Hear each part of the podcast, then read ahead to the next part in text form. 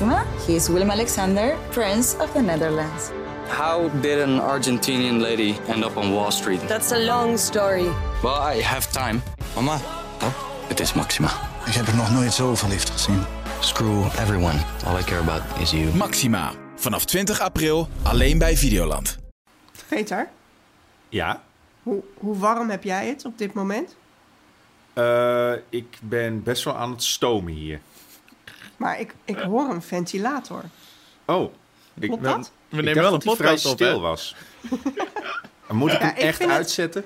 Ik vind het dus niet zo erg, maar, maar Steven en vooral Stevens familie, die heel toevallig deze podcast edit, die, eh, die heeft dus een hekel aan achtergrondgeluid. Dus ik zit nu ook met de deur potdicht, omdat ik twee vogels in de tuin heb. Oh nee. Ja, en dat schijnt dus heel, eh, heel hinderlijk te zijn. Niet zo desastreus voor een podcast als Vogels. Oké, ik, ik zal hem uitzetten, maar dan ga ik wel heel erg vlug praten deze podcast, want anders smelt ik weg. Ik, ik verwacht ook wel dat je veel gaat klagen als het even kan. Maar ik luister heel veel podcasts. En soms, laatst, ik luister bijvoorbeeld de Amerika-podcast van BNR.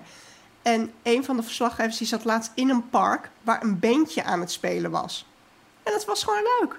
Je had de hele tijd achtergrondmuziek. Ik vond- Ja, maar dat zijn professionele podcasters. Bij ons wordt zoveel geknipt omdat we er eigenlijk niks van kunnen. Dat het wel, zeg maar, gelikt moet klinken. Dus dan hoor je de hele...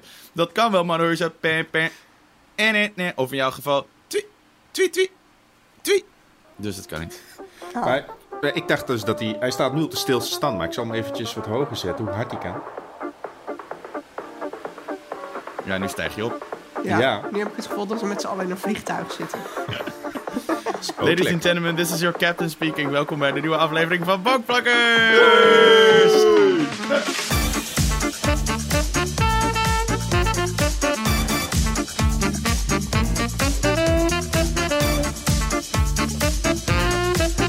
Hallo, welkom bij een nieuwe aflevering van Bankplakkers.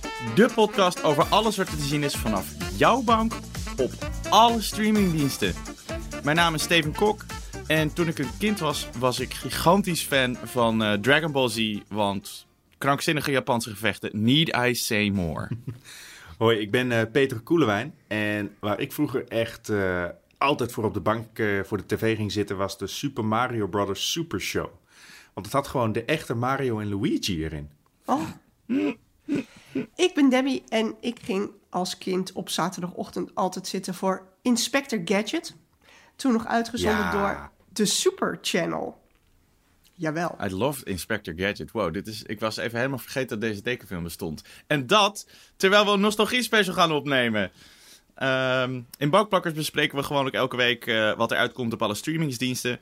Maar deze week hebben we weer een special. We gaan, het namelijk, we gaan namelijk heerlijk mijmeren over het verleden. Eh, dit is onze nostalgie special. Dus we gaan het hebben over onze eh, favoriete herinneringen rondom films en series van vroeger.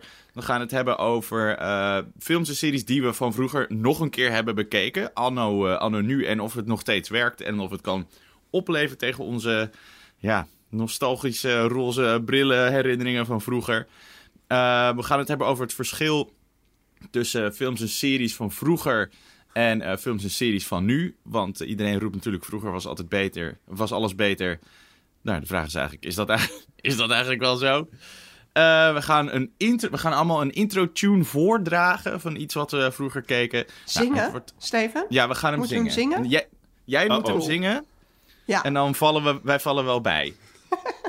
En wat als hij helemaal instrumenteel is? Ja, dan gewoon, moet, je, moet je gewoon pling-plong. Plink plong, la la la. Ik pak mijn xylofoon gelijk. Boom, chak, boom, chak. Ik heb nog Eh. een blokfluit, dat is misschien ook leuk. Oeh.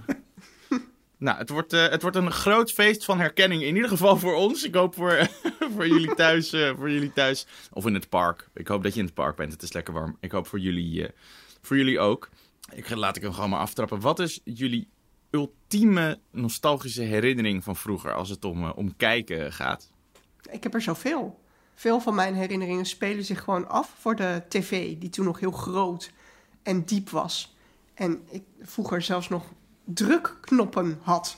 Ja, ja, ja. ja. Ja, ja, dat was echt gedoe.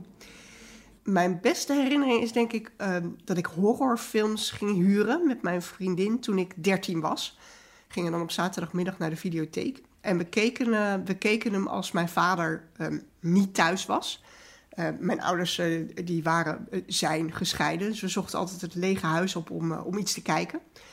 Dus om het extra eng te maken, keken we die films als we alleen waren, als het donker was. En we hadden wel ieder twee kussentjes eh, bij ons op de bank, zodat we Oh, op ja. gezette tijden die voor ons hoofd kunnen doen, konden doen als het echt te scary was. Deze truc En- gebruik ik nog steeds. Ja, we Ja, gingen ja, vooral voor films met, met geesten. En in mijn tijd was glaasje draaien, dat was ook echt eh, een ding op school. ja. Nou, echt no way door mij dus. Want als je één zo'n film gezien hebt, dan weet je wel dat je... Ik durfde amper nog uit een glas te drinken. Ik dronk gewoon uit bekers. Maar glaasje draaien, dat is niet hetzelfde als een Ouija-board, toch? Ja, zeker wel. Ja, Oké. Oh, ja. oké. Maar dus met letters en dan eroverheen zo met je, Ja, met je handen. ja. Zeg. Oh, ja. Hebben jullie dat maar- ooit gedaan? Ik vind dit, ik vind dit zo nee. herkenbaar sowieso. Niet het glaasje draaien, maar het eh, horrorfilms eh, opzoeken.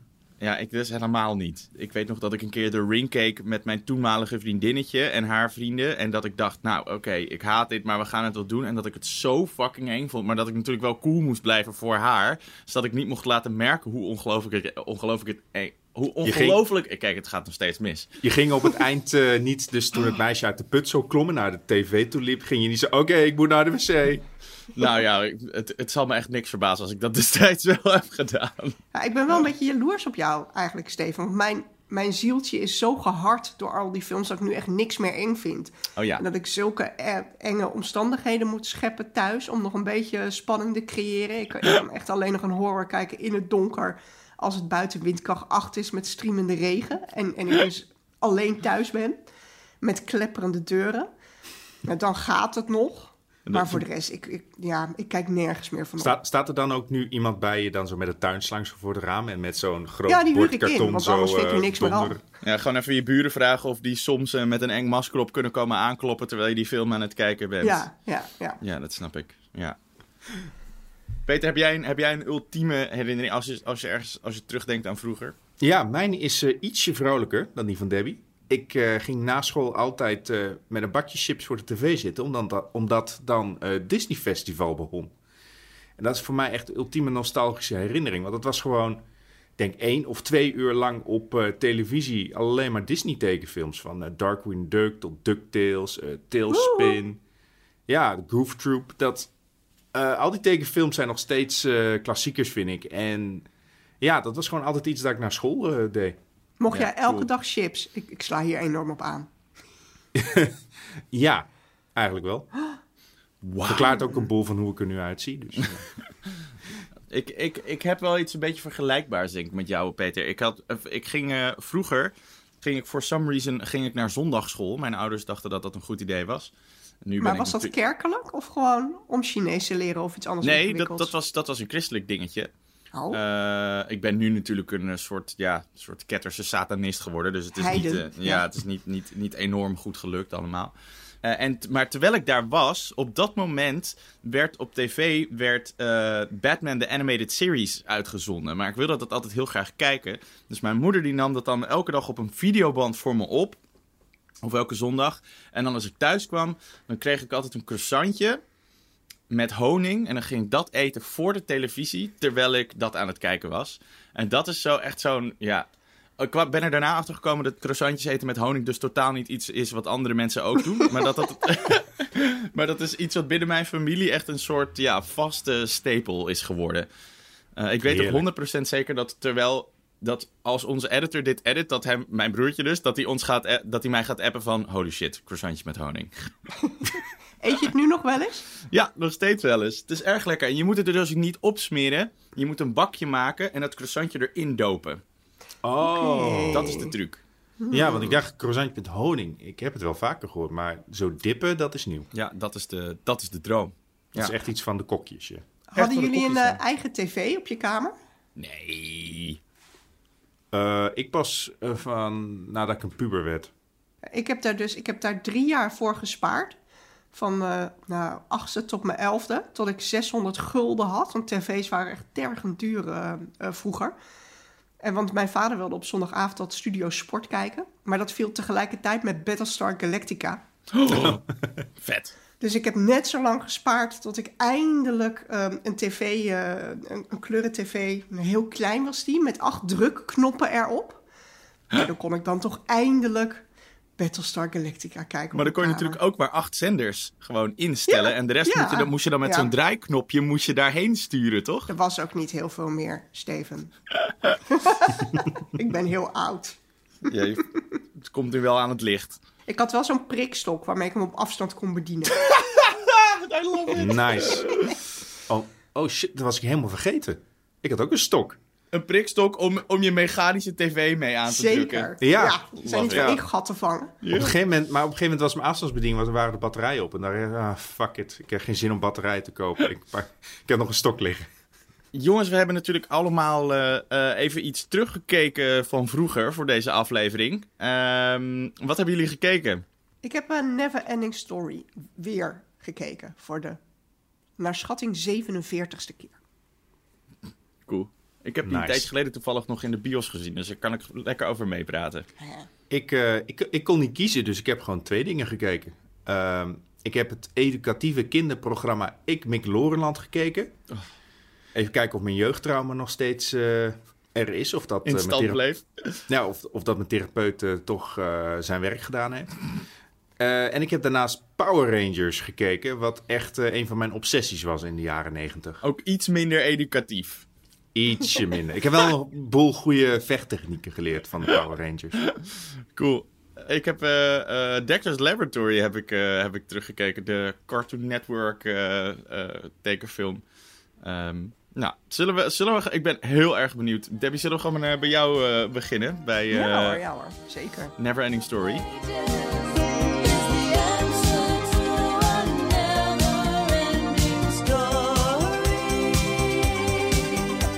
Ja, nee, ik, ik, ik heb deze dus herkeken, maar ik herkijk hem eigenlijk nou, toch wel om, om het aantal jaar. Want dit is echt de kinderfantasy classic voor mij. Ik vond als kind echt zo fijn om naar te kijken. Sowieso omdat ik werd erkend in het feit dat kind zijn helemaal niet leuk is. Want eh, ja, want de hoofdpersoon van het verhaal, eh, Bastian, die werd gepest, in de afvalcontainer gegooid zelfs. Nou ja, nou dat gebeurde, dat specifiek gebeurde mij niet, maar ik werd wel eh, nou geïntimideerd, geschopt en gekleineerd. Dus dat, nou, dat vond ik herkenbaar. En nou, even kort het verhaal van eh, Never Ending Story. Hij verstopt zich ehm, eh, in een oude boekenwinkel om aan die bullies te ontkomen. En, en hij stuit daar op een boek. En niet zomaar een boek, maar de Never Ending Story. En hij neemt het mee en hij gaat het lezen op de zolder, eh, op de zolder van zijn school. Dat boek dat gaat over het rijk Fantasia dat langzaam vernietigd wordt door het niets. Een duistere kracht die, eh, die alles opeet of eigenlijk laat verdwijnen. En de keizerin van Fantasia, een beetje een, nou ja, een, beetje een eng kindvrouwtje, die is ziek geworden en ze stuurt de jonge strijder Atreyu erop uit om een medicijn voor, eh, voor haar te vinden. Nou, en dan gaat Atreyu door dit fijne fantasyland op een kweeste. En je ziet dat eh, Bastian steeds verder in het boek gezogen wordt en zelf eigenlijk een steeds grotere rol ook krijgt in het verhaal. Heb ik het goed samengevat, Steven? Ik denk het wel. Ja, Ja, ja. Ja. ik vond het... eh, ja. Ik denk dat je nog wel weglaat dat die film nergens op slaat. Maar inderdaad, ja, het is dan een goede samenvatting. Nee, ik vind hem fantastisch, hè, maar die hele film slaat helemaal nergens op. Hoezo? Alle, Nee. alle, eh, ik vind het juist dat alle elementen van een volwassen fantasyverhaal erin zitten. Ja. Er is een heel universum op zich gebouwd. Er zijn leuke wezens. En er zit een fantastische sieraad in, waar eh, de ring uit Lord of the Rings nog een puntje aan kan zuigen. De Oren, de elegante hanger met de twee slangen die elkaar in de Oh, staart ja. bijten. Oh, als ja, symbool voor ja. onderlinge verbondenheid in de cirkel van het leven. Ja, ja, ja. ja. Ja. En wat, wat vond jij van de special effects, Steven? Want ik vond die er nog wel aardig uitzien voor een Ik vond film het- uit 1984. Ja, ik vond het eigenlijk, ik vond het eigenlijk ook wel. Eh, en het, is, het heeft natuurlijk ook een hele specifieke charme of zo. Alles. eh, ik hou sowieso, ik ben sowieso heel erg fan van alles wat er uit de jaren 80 komt. Zeker als het over films en series gaat. Muziek trouwens eigenlijk ook wel. En eh, ik heb echt wel een zwak voor. eh, ik kan daar heel makkelijk doorheen kijken, merk ik ook. Eh, ik, ik snap dat er mensen zijn, zeker als je wat jonger bent, nog ook dan, dan ik ben, dat je zegt van ja, ik, ik kan niet Of ik, ik word helemaal eruit getrokken, maar dat heb ik helemaal niet, zeg maar. Als er een hele crappy special effect is die zou moeten voorstellen dat er iemand ergens opgestraald wordt, dan geloof ik dat gewoon, weet je Ja. Dan, het maakt me niet zoveel uit. Ja, en ik, denk dat ook. dat is denk ik wel een beetje een onderscheid wat je ook voor jezelf een beetje actief moet maken soms. Eh, dat je een beetje die suspension of disbelief hebt, dat je ook een beetje meedenkt met de film of zo. Ja. Wat, wat maar, ik... maar bijvoorbeeld, er zijn wezens die echt maar een bijrol hebben. Je hebt bijvoorbeeld Morla, de Ancient One, een gigantische schildpad. Oh ja. En de Rockbiter, die hebben relatief Ja. weinig schermtijd. Maar die zijn toch ja, heel expressief en, en, en ze hebben veel emotie. Ik vond het eigenlijk best wel, eh, ja, best wel goed gedaan. Wat ik, Ja. eh, wat ik he- heel erg tof vind aan de, de Neverending Story zijn de praktische effecten. Ja, precies. Ik denk ook dat die bijpersonages daardoor zo memorabel zijn. Omdat ze voelen echt als tastbare dingen aan. En, en zelfs de meest geavanceerde eh computergeanimeerde film kan dat nog niet perfect nabootsen. Ik, eh, ik, ik kan me voornamelijk nog van de Neverending Story herinneren... dat ik als de dood was voor die wolf, Gemorg... Ja. Ook gewoon omdat ze... En dat, dat komt door de beperkingen. Omdat ze hebben eigenlijk alleen die wolvenkop hebben ze gemaakt. Maar iedere keer als die wolf dus tevoorschijn komt... zie je dus zijn gez- zijn- zijn hoofd in de schaduw staan. Ja. En dat vond Ja. ik zo tof. eh, vind ik, achteraf vind ik dat zo'n tof idee. Maar het maakt het ook super creepy.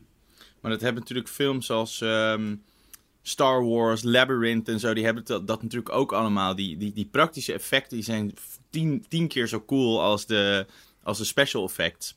Ja. En dat merk je nu ook in series als The Mandalorian en zo. Die grijpen daar weer helemaal naar terug. Omdat dat, dat ziet er, het ziet er ten eerste heel cool uit. Maar het geeft ook een bepaald soort gevoel. Ik denk dat, dat jij het heel goed zegt, Peter. Dat tastbare of zo. Ik denk dat is nog steeds iets wat CGI enorm mist of zo. Als ik, als ik trailers van nieuwe films zie waar heel veel CGI in zit. Het ziet er allemaal soort van wel realistisch uit. Maar je ziet ook dat je het niet kan vastpakken op een of andere manier. En dat, dat ja, misschien gaan we daar op een gegeven moment wel komen. Eh, maar, of dat denk ik heus wel. Maar er is iets heel specifiek cools aan dingen als poppen en eh, practical effects. Ja. Maar nog even over die wolf, hè, over Gemork. Dat was natuurlijk ehm, nou ja, een, een hulpje van het niets. Of in ieder geval een, een Ja. personalisatie van het niets. Hij, ehm, eh, maar dat niets, dat, dat vond ik echt wel super eng als kind. En, en nu besef je ook van ja, eigenlijk, eigenlijk kan je die film ook interpreteren als, ehm, eh, als symbool voor depressie en, en, en verlies. En, en, en ik werd bijna depressief bij het her- herkijken van, ehm, eh, van, deze wereld, van deze film.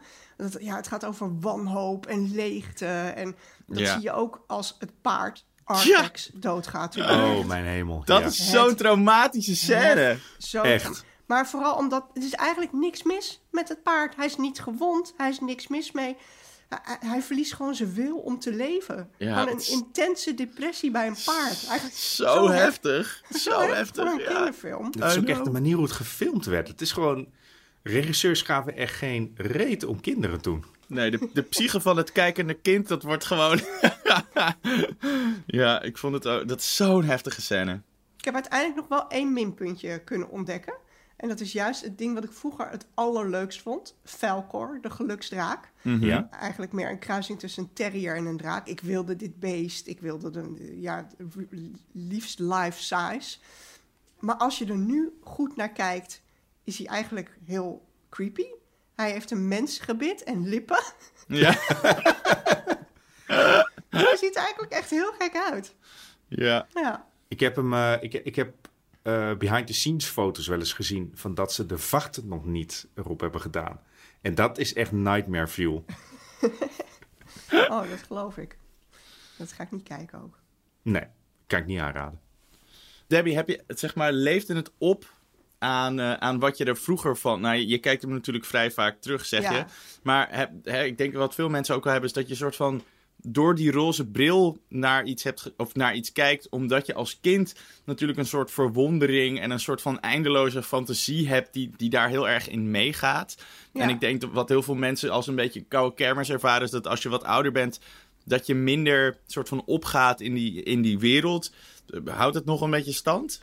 Ja, voor mij wel, omdat ik hier toch steeds weer nieuwe dingen eh, op kan projecteren. De- die me op dat moment eh bezighouden. Ja, bijvoorbeeld ja. eh, het niets, nooit over nagedacht dat dat over, eh, over totale wanhoop of, of, of leegte ook die, de, die als mens kan ervaren, symbool kan staan. En bijvoorbeeld aan het eind vertelt de Empress aan uh, Atreyu dat anderen met hem meegereisd zijn op dit avontuur. En het wordt niet heel expliciet gemaakt, maar hier realiseert hij zich natuurlijk dat hij een fictief figuur is. Dat eigenlijk bestuurd wordt en bekeken wordt door anderen. Maar wat betekent dat voor die anderen? Hè? Wij die er bekijken op de tv of Ja. erover praten in de podcast. Door wie worden wij bekeken, Steven? Nou ja, door de vierdimensionale aliens die ons eh, leven aansturen. Precies. Dat wilde ik maar even kwijt. Tof. Ja, ik heb nu ook alweer zin om deze film nog een keer te kijken. Peter, hoe was eh, eh, Power Rangers? Of wil je met Ik McLaurin beginnen? Eerlijk gezegd had ik, eh, ik met Loreland stond ik al helemaal in de startblokken daarvoor. Ja, go. Ik dacht ook, ik had ook een mooi bruggetje. Over jeugdtrauma's gesproken. Dun dun dun. Dun, dun, dun.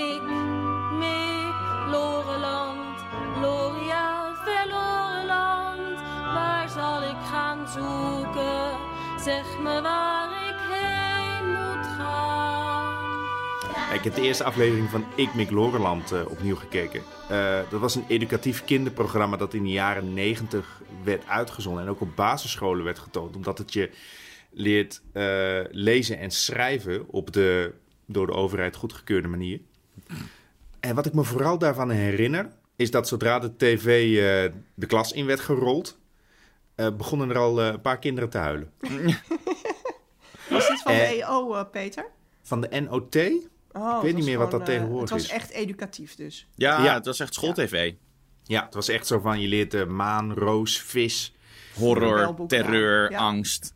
Ja. Ja, dat kreeg je er tussendoor. Eh, en ik, ik ga ook eerlijk toegeven, ik had zelf ook wel nachtmerries van de schurk eh, van Ik Mik Loreland. Eh, dat was eh Carbonkel.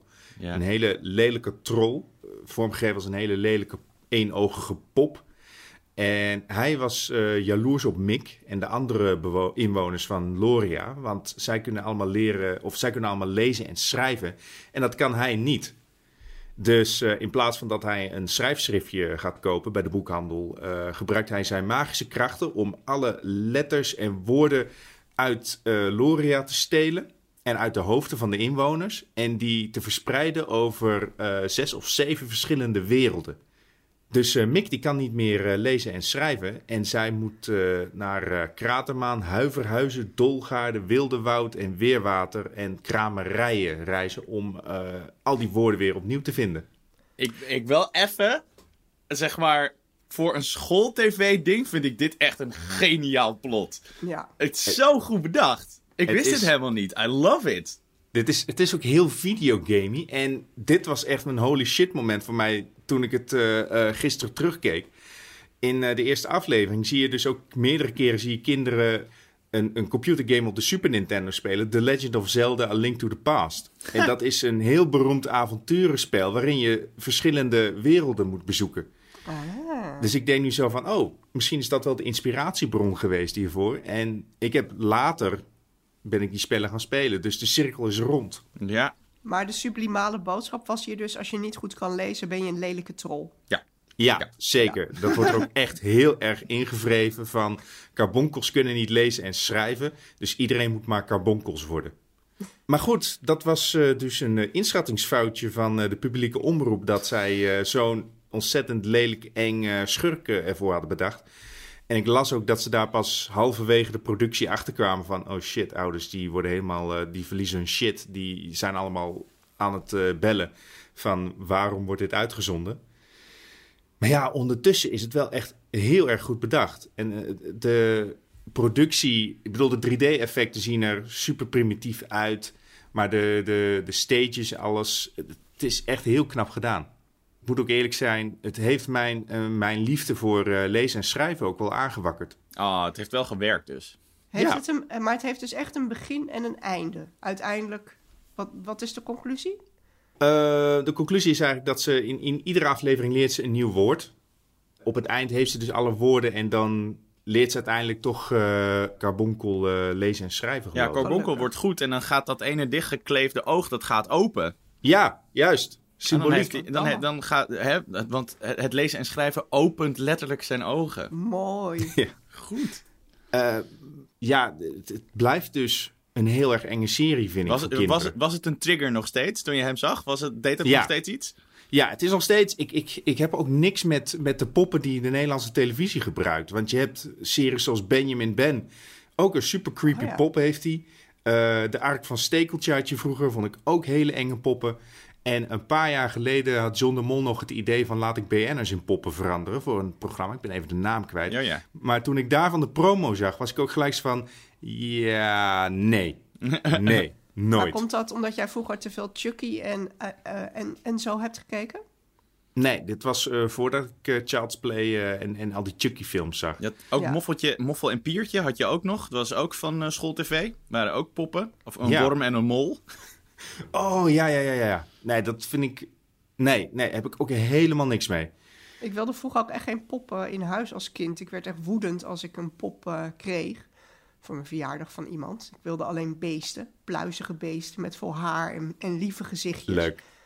En Poppen zijn ook gewoon creepy. Oh, ik, ik, ik snap nu ook opeens jouw liefde voor Sully uit eh Monsters Ja. Inc. Ja, en poppen zijn gewoon eng. Ik, ik snap niet, ik zie wel eens meisjes hier eh, eh, voorbij het huis rijden met zo'n poppenwagen, met zo'n pop erin. En ik begrijp daar nog steeds eh, heel weinig Ja, van. gewoon echt zo'n babypop, zeg maar. Ja. Ja, die Ja. zijn ook creepy. Ja. Het, zijn ook wel, het, het is ook wel meer dan de poppen bij Ik Mik Loreland. Want de Eerste Wereld, het is een beetje alsof ze beginnen bij Mordor. Ja. met deze reis. Want je hebt dus... De eerste wereld is een maan. Dus letterlijk een, een woestijn waarin ze in, in, midden in de ruimte zit. Daarna komt Huiverhuizen. Wat gewoon letterlijk een horrorwereld is in een drassig moeras. En het is ook, ze gaat in een hele creepy bibliotheek. Eh, ze komt een onthoofde reus tegen. Huiverhuizen, dat klinkt Ja. als, als een Efteling-attractie. ja, wel cool. En als klap ja. op de vuurpijl komt dan Dolgaarde. Wat een eeuwig labyrint is dat constant verandert.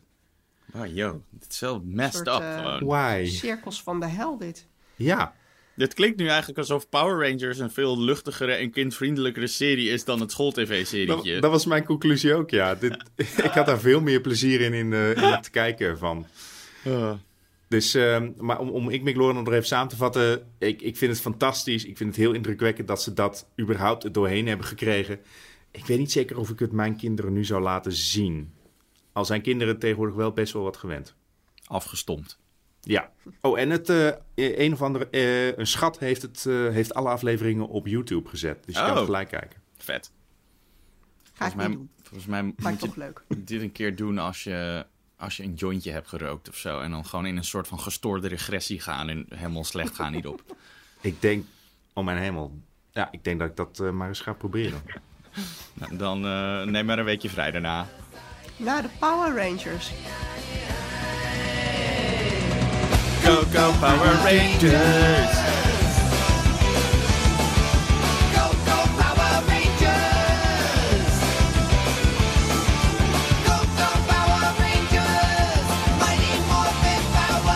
Ja, dit was echt mijn jeugd. Eh, het begint al met zo'n heerlijke jaren 90 eh, eh, power rock intro. En eh, ja, de eerste aflevering klikt het gelijk weer. Ik kan het gewoon onmogelijk haten. Ook al heeft het zeker wat eh, dingen die heel ongemakkelijk zijn. Maar Power Ranger heeft mijn liefde voor campy, overdreven geacteerde films en series ook echt aangewakkerd. Ja, dat snap ik heel goed. Het is, het is zo'n rare serie. En het is, ik kan nog steeds niet geloven dat eh, ze in Amerika dachten: laten we dit eens proberen. Want wat is Power Rangers nou? Het is eigenlijk een Japanse serie van het Super Sentai-genre, geloof ik. Dat is echt een heel genre daar. En ze hebben dat geknipt met de Power Ranger-beelden. Die hebben ze uit Japan geïmporteerd. En dan hebben ze Amerikaanse acteurs die een soort Saved by the Bell scènes tussendoor spelen. En daarvan hebben ze een nieuw lopend verhaaltje gemaakt. Ja, zo grappig. Dat is die, men- die mensen in die pakken, die hebben gewoon niets te maken met die acteurs. ja.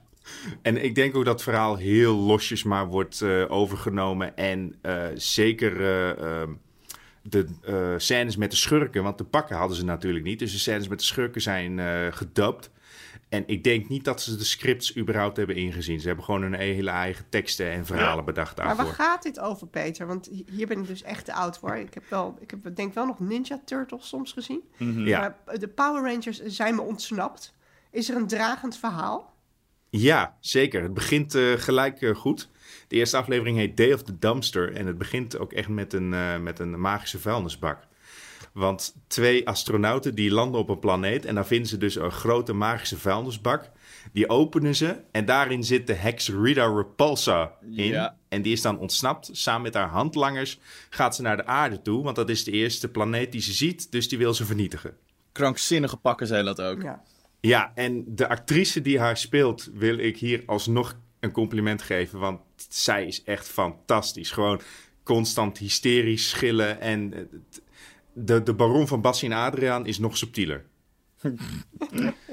dus ja, dat, ik, ik kan er gewoon keihard van genieten. Hoeveel afleveringen zijn hier ongeveer van, trouwens? Hoe, hoe lang liep dit? Het loopt nog steeds. Ja, dat weet ik. Maar de, origine, de, de, de versie die jij hebt eh, herkeken. Eh, Netflix heeft alle seizoenen en het zijn er vier van deze serie. Ik weet dat het hele verhaal van Rita Repulsa en haar... eh, er komt daarna nog een schurk, Lord Z.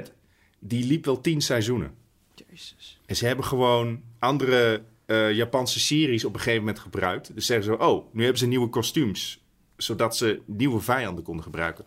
Ik heb ehm, de, de roze Power Ranger Kimberly was mijn eerste eh, tv-crush ooit. Ja. ik was echt heel erg verliefd op haar. En vroeger op de basisschool ging ik met vriendjes gingen we altijd de Power Rangers naspelen. Maar dat betekent natuurlijk gewoon dat je, dat je hoop aan het slaan en het schoppen was met elkaar. En eh, dus op een gegeven moment weet ik nog dat er eh, binnen onze school een verbod kwam op Power Rangers spelen op de basis op het plein, omdat wij dat de aan het doen waren. Maar dat was dus niet alleen een probleem eh, op, het Frittema, op de Frittema school in Sneek, maar dat was gewoon een probleem in, eh, in Nederland. Op dat moment was alle, alle, alle soort van jonge jongens die begonnen gewoon de Power Rangers na te doen. Die begonnen gewoon mensen in elkaar te slaan overal. Echt. Ja, doen helemaal mee eens. Dit, dit is precies wat er gebeurde bij mij ook. Ja. Inclusief de crush op Kimberly. Ja, oh, grappig. Ja. Maar ik moet zeggen van, het, het- ik wou nog even toevoegen ook de manier hoe ze Power Rangers worden. Het is zo slecht. Ik, ik wil het toch even beschrijven, want de Netflix-vertaling is, is briljant. Eh, Zordon is het zwevende hoofd in een eh, buis. En hij is een beetje de beschermeling van de aarde. Dus wat hij tegen zijn assistent Alpha zegt is letterlijk... Oh nee, Ritter Repulsa is ontsnapt. Snel, breng me vijf tieners die arrogant en overgevoelig zijn. Dat zegt hij? Ja. Why? Ja, dus eh, nou, zodoende zijn ze Power Rangers geworden. Oké, I love it. Ik, eh, ik, ik zeg wel één minpuntje, moet ik zeggen. Eh, ik vond de casting achteraf super ongemakkelijk. Er zijn een paar, het zijn allemaal wandelende clichés. En dan kan ik tot daar aan toe zeggen: oké, de gespierde gast is de leider. Degene met de bril is de nerd. En de roze ranger is een echt meisje-meisje. Maar dan heb je de gele ranger, is een Aziatische actrice. Ja. En dan heb je de zwarte ranger, is een zwarte acteur. Ah, ja. En zijn trademark is dat hij danst tijdens het vechten. Ja. Oeh. Ja, daar kom je niet meer mee weg. Daar kom je niet meer mee weg. Nee. Maar ondanks de pijnlijke stereotypes eh, vind ik, ja, ik kan het niet echt haten dit. dit is, eh, het is nog steeds super vermakelijk om te kijken. En het is ook echt iedere aflevering hetzelfde. Nieuw monster, eh, groot gevecht. Op het eind koppelen ze de grote robot, de Megazord, samen en vechten ze tegen het monster eh, in een miniatuurstadje. Ja. Met altijd- eh, Mount Fuji op de achtergrond, zoals we van Californië weten. Ja. Oh, ja, inderdaad trouwens. Eh, briljant. Eh, zal ik iets over Dexter's Lab Ja. vertellen? Yes.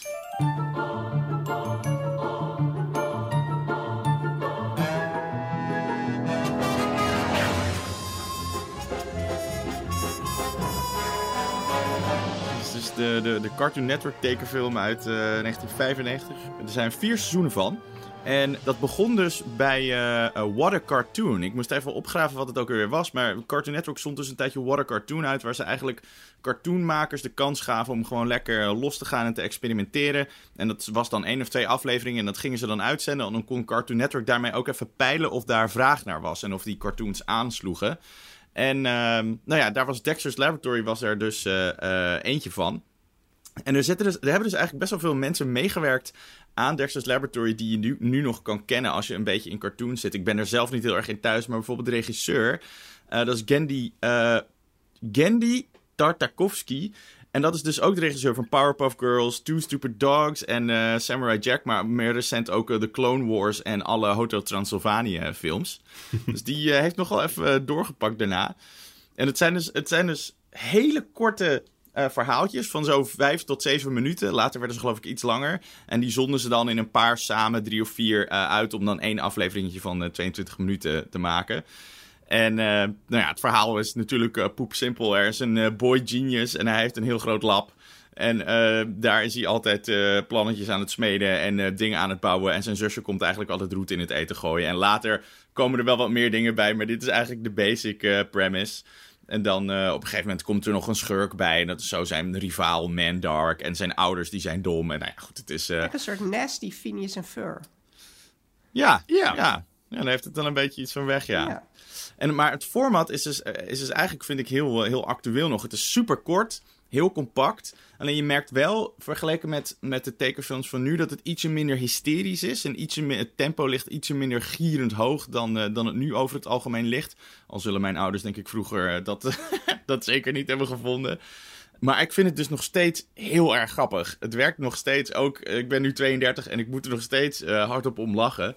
Personages zijn ook totaal geen afgeronde characters. En uh, het, het, plot drijft eigenlijk alles. Alles moet wijken voor het, het verhaaltje wat die aflevering ertoe doet. En aan het einde van de aflevering is het verhaaltje afgelost. En in de volgende aflevering begint gewoon alles weer opnieuw. En is, er alsof er nooit iets gebeurd is. Um, en ik heb dus een paar uh, van de classics uh, heb ik even herkeken. Waaronder The Big Cheese. Waarin, waarin hij dus... Um, hij moet kiezen of huiswerk maken voor Frans of in zijn lab werken. Oh ja. Maar dan heeft hij geen zin om aan zijn huiswerk voor Frans te gaan. Dus in plaats, in plaats daarvan gaat hij in zijn lab werken. En dan heeft hij een machine. En daar kan hij een plaat opleggen. Die hem Frans leert. En die gaat hij dan de hele nacht luisteren. Maar dan loopt die plaat s'nachts vast. En dan kan hij s ochtends alleen nog maar het woord omelette du fromage zeggen. En dat omelette is het enige woord dat hij dan nog kent. Nou, dit is volgens mij de quote die iedereen ja. kent van ja. Dexter's Laboratory. En, uh, dat, en nou ja, uiteindelijk natuurlijk gaat dat helemaal mis. Want dan weet hij het wachtwoord van zijn lab. Dat kan hij niet meer zeggen. En die het self-destruct dan en zo. Uh, en een andere classic die ik heb gekeken is Old Man Dexter. Dat hij, uh, dat hij, hij wil graag opblijven om tv te kijken met zijn ouders en met zijn zusje. Maar dat mag niet, want hij is te jong. En dan gaat hij een verouderingmachine maken. Maar die maakt hem dan veel te oud. En dan wordt hij een opaatje. En dan aan het einde van de aflevering kan hij eindelijk kan hij tv kijken. Maar dan is hij te oud en dan valt hij in slaap voor de tv. En dan kan hij alsnog geen tv kijken. Oh. dus het zijn allemaal van die super basic kleine verhaaltjes. En alles daaromheen moet daar gewoon voor wijken. Um, maar omdat die afleveringen zo kort zijn, werkt dat gewoon super goed. En uh, ja, er zit ook nauwelijks moraliteit in. Behalve dan het soort van boontje komt om zijn loontje. Wat altijd met Dexter gebeurt aan het einde van de aflevering. Ik vond het gewoon echt gekeken? heel grappig. Waar zijn, ze, waar zijn ze te zien? Ze zijn eigenlijk best wel makkelijk op YouTube te vinden. En uh, er, zijn ook, er, er was zo'n website die ik had gevonden, volgens mij dexterslaboratory.blogspot of allthings.com. En die heeft ze eigenlijk gewoon allemaal op een rijtje gezet met een kijklink van ergens vandaag getrokken. Dus uh, het is ook heel makkelijk nog even te kijken. En uh, nou ja, wat, ik...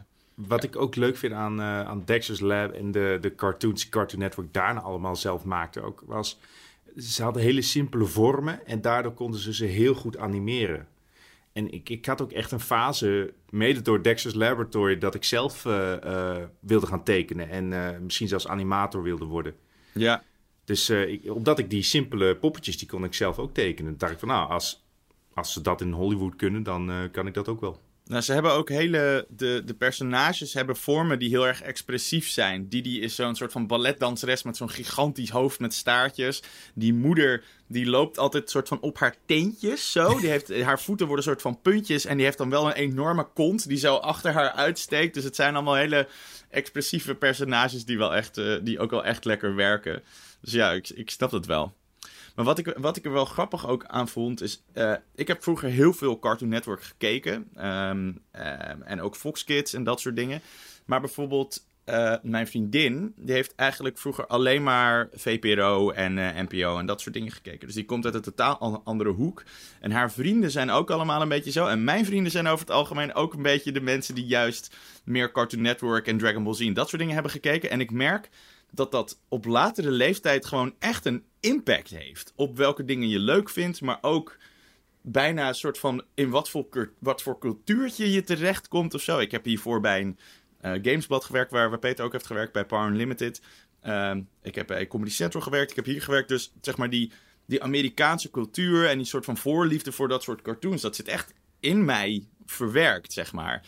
En terwijl als we met, eh, met Bibi's vrienden ergens zitten, ja, dan, worden, dan wordt de plaats van Ja, zuster, nee, zuster meteen opgezet. Ik vind het zo, zeg maar, dat maakt zo'n enorm verschil eh, in, in wat je daarna... Ervaren jullie dat ook zo? Ja. Ja, ik voel wel altijd een gebrek aan aansluiting met jullie, dat klopt. Eh, St- Steven, ik, eh, ik, ik, ik merkte dit ook wel toen ik eh, gi- ging studeren. En ja, een beetje buiten mijn bubbel dus kwam. Van dat je ook echt de villa achterwerk Ja. generatie had, of de doelgroep. En dat keek ik dus bijna nooit. Maar dan kreeg je inderdaad, eh, eh, wat was het ook alweer? Wat? Rembo en Rembo? Rembo Rembo, ja. Rembo Rembo, ja. Ja, ja dat, dat soort dingen, daar kon ik totaal niet in meepraten. Maar inderdaad, een hele groep mensen die dat wel konden. Ja. Hoe zit het bij jou, Debbie? Nou, ik merk wel dat de films en vooral de genres die ik toen leuk vond, dus fantasy, eh hè, Neverending Story en sci-fi, Battlestar Galactica, dat ik dat later ook nog echt, dat dat nog steeds mijn favoriete films eh, eh, blijven. Ik kan ze niet allemaal herkijken. Ik was vroeger erg fan van E.T. en van Close Encounters of the Third Kind. Maar als je die nu terugkrijgt, zijn ze echt poeptraag. maar de genres zijn wel gebleven. Dat, Ja. Dat, ja, dat, dat, dat blijft wel. Ja, en ik denk dat het je daarna ook stuurt naar dingen die daaruit voortkomen of zo. Ik denk dat je gaat natuurlijk dingen die je, die je tof vindt en die daar dan weer tegenaan hangen. Ja, ik denk dat dat. Ik heb het ook wel vaak met mijn vriendinnen over hoe, zeg maar, hoe fundamenteel die soort van invloed dan van tv of zo toch wel is geweest op, op, op wie je uiteindelijk, nou om het maar heel dramatisch te zeggen, maar wie je als persoon wordt of hoe, hoe je sociale kring er ook uitziet en zo. Maar zoek je, zoek je dingen bij wie je al bent of word je wat je kijkt? Nou, ik denk op jonge leeftijd word je wat je kijkt. Maar je kiest al uit waar, waar je je toe aangetrokken voelt, toch? Ja, dat is, misschien, dat is misschien ook wel een beetje zo. Maar het is, eh, het is ook een beetje bijvoorbeeld. Ik denk dat het ook een beetje is wat je ouders je voorschotelen. Mijn ouders waren zelf ook niet heel erg in de VPRO geïnvesteerd of zo. Dus het was ook niet alsof zij mij erg eh, gingen pushen naar dat soort. Zeg maar, zij waren niet zo bezig met dat dingen wel een beetje opvoedkundig qua tv moesten kloppen. Die dachten gewoon, ja, kijk gewoon lekker waar je zin in hebt. Daarom ben ik nu zo'n verdorven mannetje Precies. geworden. Ja, dat weet ik Je hebt ook op de zondagschool gezeten. En dat heeft ook eh, relatief weinig impact gehad. Ja, dat is ook wel waar.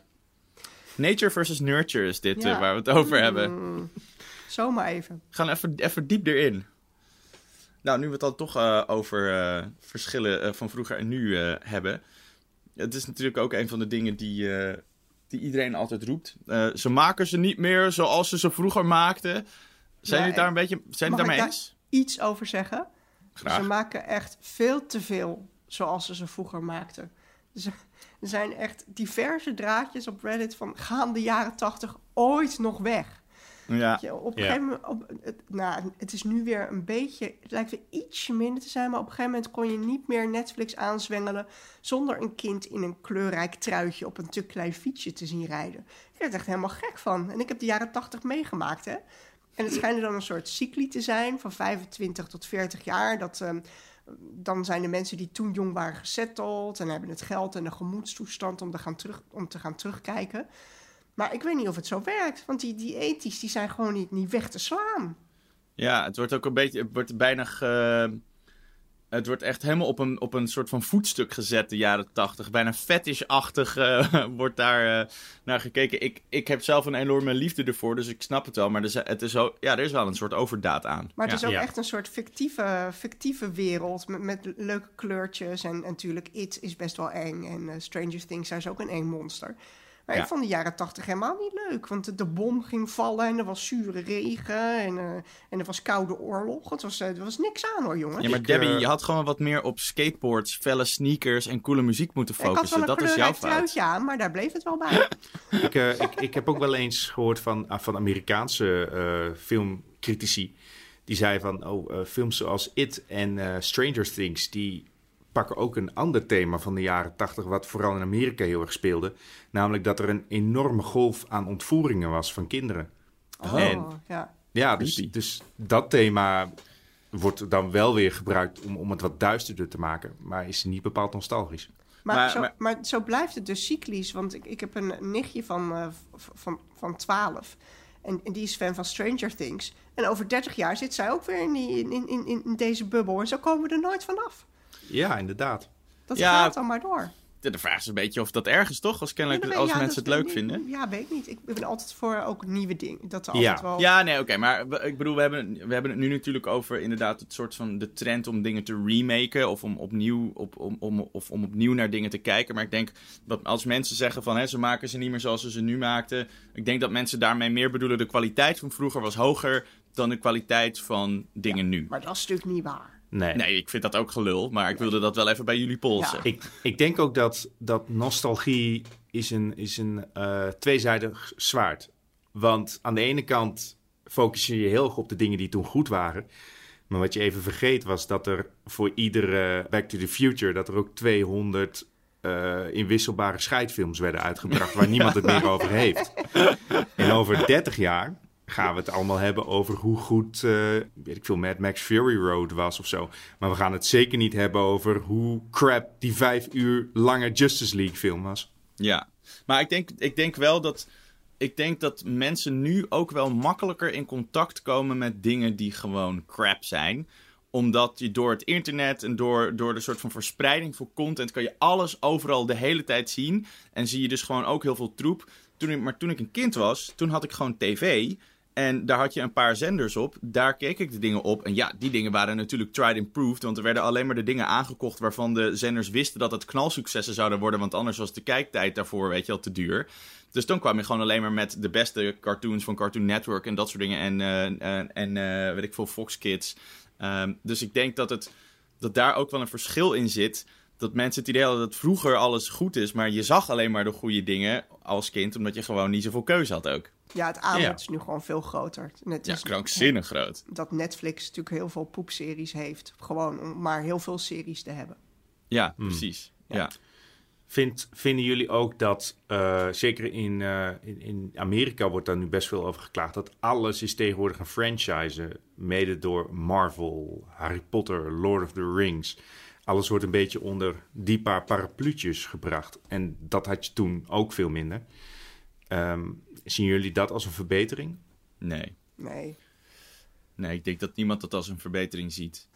Maar ik Nee. denk, ja, het is natuurlijk een stukje financiële zekerheid. Kijk, de budgetten voor dingen worden ook steeds groter. Dus moet wat je eruit haalt ook steeds groter worden. Dus gaan, gaan filmmakers en seriemakers ook naar veiligheid zoeken. Ja. En die, die creëer Of nou, het zijn vooral natuurlijk gewoon de, de, de distributeurs eigenlijk die dat doen. En ik snap, ik snap die overweging wel, maar daardoor krijg je natuurlijk wel een soort eenheidsworst.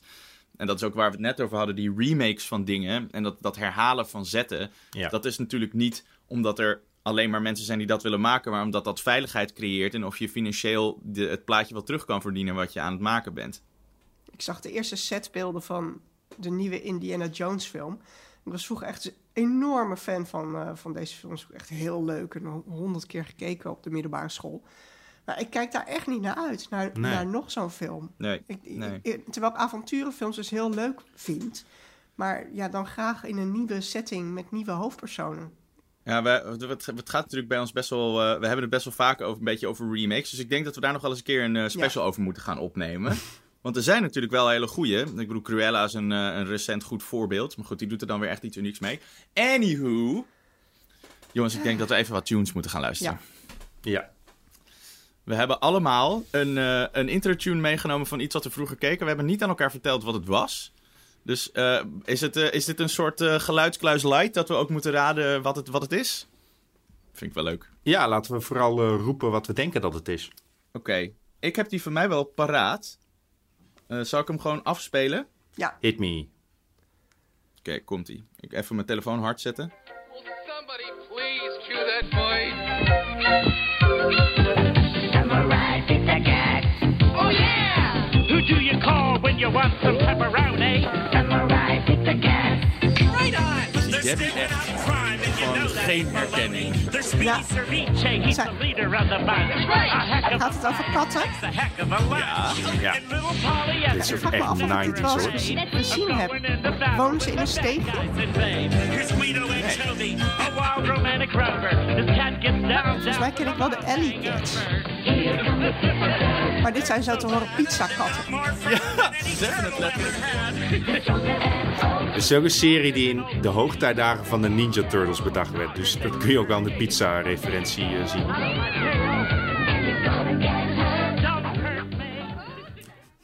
Dit was eh, Samurai Pizza Cats.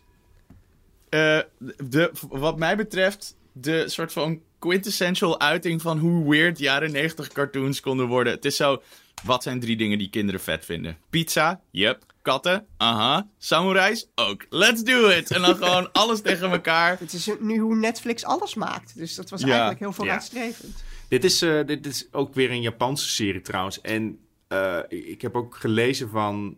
Hij is berucht van dat ze hier gewoon de Japanse script weggooiden. En zei, "Ah, we verzinnen ons eigen verhaaltje wel voor de vertaling. Ja, ik kwam in 1990 uit in, eh, in Japan en toen in 1991 werd hij eh, naar de VS eh, geëxporteerd. Maar wat ik hier leuk aan vind, deze werd in Nederland ook gewoon in het Engels uitgezonden. En dat was bij Cartoon Network ook zo. Ik heb heel veel eh, ook Engels geleerd van gewoon televisie kijken. Ja, Eh, ik mis dat nog steeds wel. Ik snap dat het in Nederlands vertaald wordt, maar echt de meerwaarde van Engelse cartoons kijken is echt wel aanwezig als kind. Ook omdat ze, ze waren ook echt niet altijd ondertiteld en zo. Dus je leert er echt veel van. Ik moest wel zeggen dat... dat ik, ik zie bijvoorbeeld mijn nichtjes die zijn van de YouTube-generatie. Die kijken daar Right. gewoon alles op. En die kijken dan naar Minecraft-tutorials en zo. En van Roblox. Ja. Dus Ja. dat, daar Dat is- leren ze gelukkig nog wel wat Engels van. Dat zijn Ja, nu precies. de nieuwe cartoons. Ja, Zal, ja. ik mijn, eh, zal ik mijn instarten? Deze Yes, is echt heel maar. oud, maar ik vind het de beste Nederlandse tv-tune ooit gemaakt. Oh.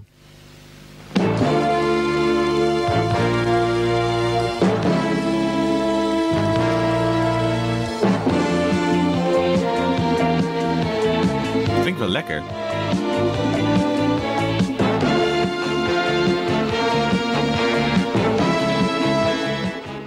Ik, ehm, deze serie was ik eigenlijk veel te jong voor om te kijken. En hij was altijd als we bij mijn opa en oma waren. En hoe...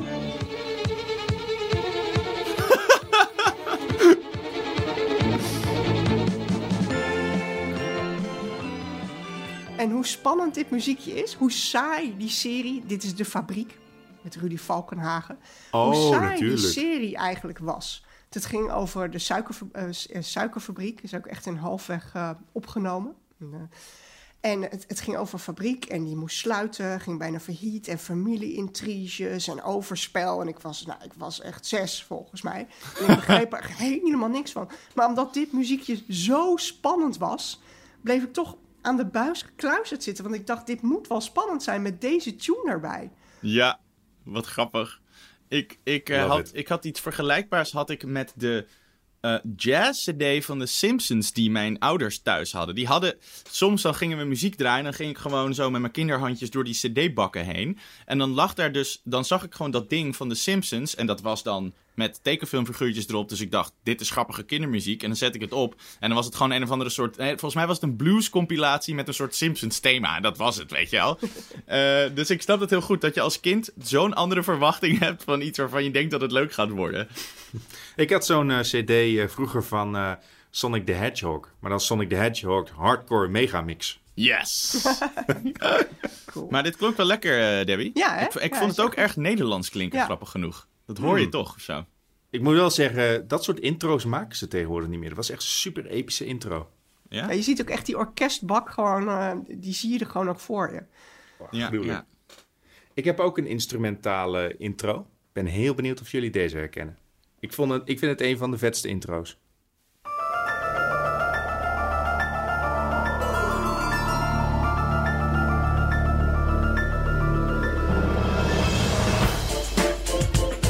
Ja, ik weet hem. Vet. Deze is heel lekker.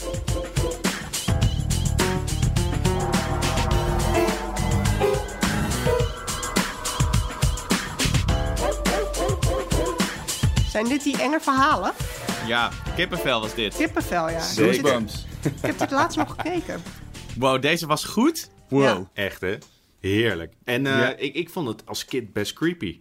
Ja, Dus het, maar eh, het, was, dat was, het was precies de fine line tussen wel eng, maar toch ook leuk om te kijken. Ja, ja. En, en wat, ik, eh, wat, wat ik nu als volwassene merk van... bijna al die verhalen zijn eigenlijk een soort van knipoogjes... of homages naar klassieke horrorverhalen. Ja. Maar dan net even anders. Ja. ja, ik heb die boeken vroeger ook wel gelezen. Oeh, dit, gaat, eh, dit, ga ik, dit ga ik straks tijdens het werk even opzetten. Dit gaat helemaal in mijn hoofd zitten vandaag. Pam, Ja, echt zo'n. Ja, tof. Eh, ik denk dat we er eh, doorheen zijn, eh, jongens. Ik voel me wel, ik voel me wel, ik heb me wel even lekker kind gevoeld. Weer even een paar, even, hoe lang? 54 minuten Ik, ongeveer. eh, ik, ik voel me helemaal warm van binnen. En het- zeker niet omdat het zomer is. Nee. dat is warm van buiten. Ja, wel zeker je ventilator weer aanzetten, Peter. Mm, nou, ik kan nog wel een paar minuutjes zweten voor jullie. Ik zal, hem, eh, ik zal die voor mij straks ook wel weer even aanzetten. Hebben jullie, wisten jullie trouwens dat ik een hele dure heb? Ik heb verteld het aan iedereen. Nou, goed. Leuk. Heb je het prijskaartje er ook nog op zitten? Of, eh, Ja, klopt. Ik ben ook zo iemand die zijn sticker op zijn pet laat zitten om te laten weten dat hij heel cool is. subtiel, smooth. Dat was hem dan weer eh, voor deze aflevering. Heb je een ander leuk idee voor een special? Of eh, wil je het dat ook een keer ergens over hebben in de bankzaak? Dan eh, stuur dat in. Vinden we alleen maar leuk. Ehm, wil ik hier verder nog iets zeggen? Ja, laat een recensie achter. Als je ons leuk vindt, dan eh, worden we beter zichtbaar bij mensen die, die ook over films en series dingen graag luisteren. Daar worden we erg gelukkig van. Ehm, jongens, hebben jullie nog iets toe te voegen? Ik ben klaar voor de quote. Komt-ie. We're too small. He can't hear us.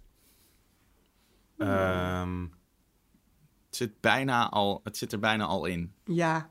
Hij is heel obvious. van Honey, I Shrunk the Kids. Ja!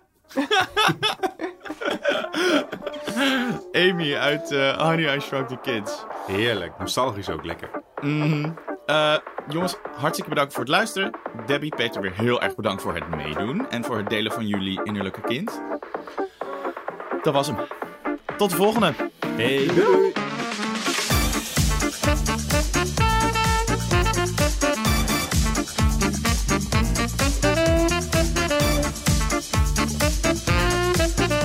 Bankplakkers is een originele podcast van Veronica Superguide. Mijn naam is Steven Kok en mijn gasten zijn elke week Debbie Nobel en Peter Koelewijn. En onze editing wordt gedaan door Art Kok. Bedankt voor het luisteren en tot de volgende!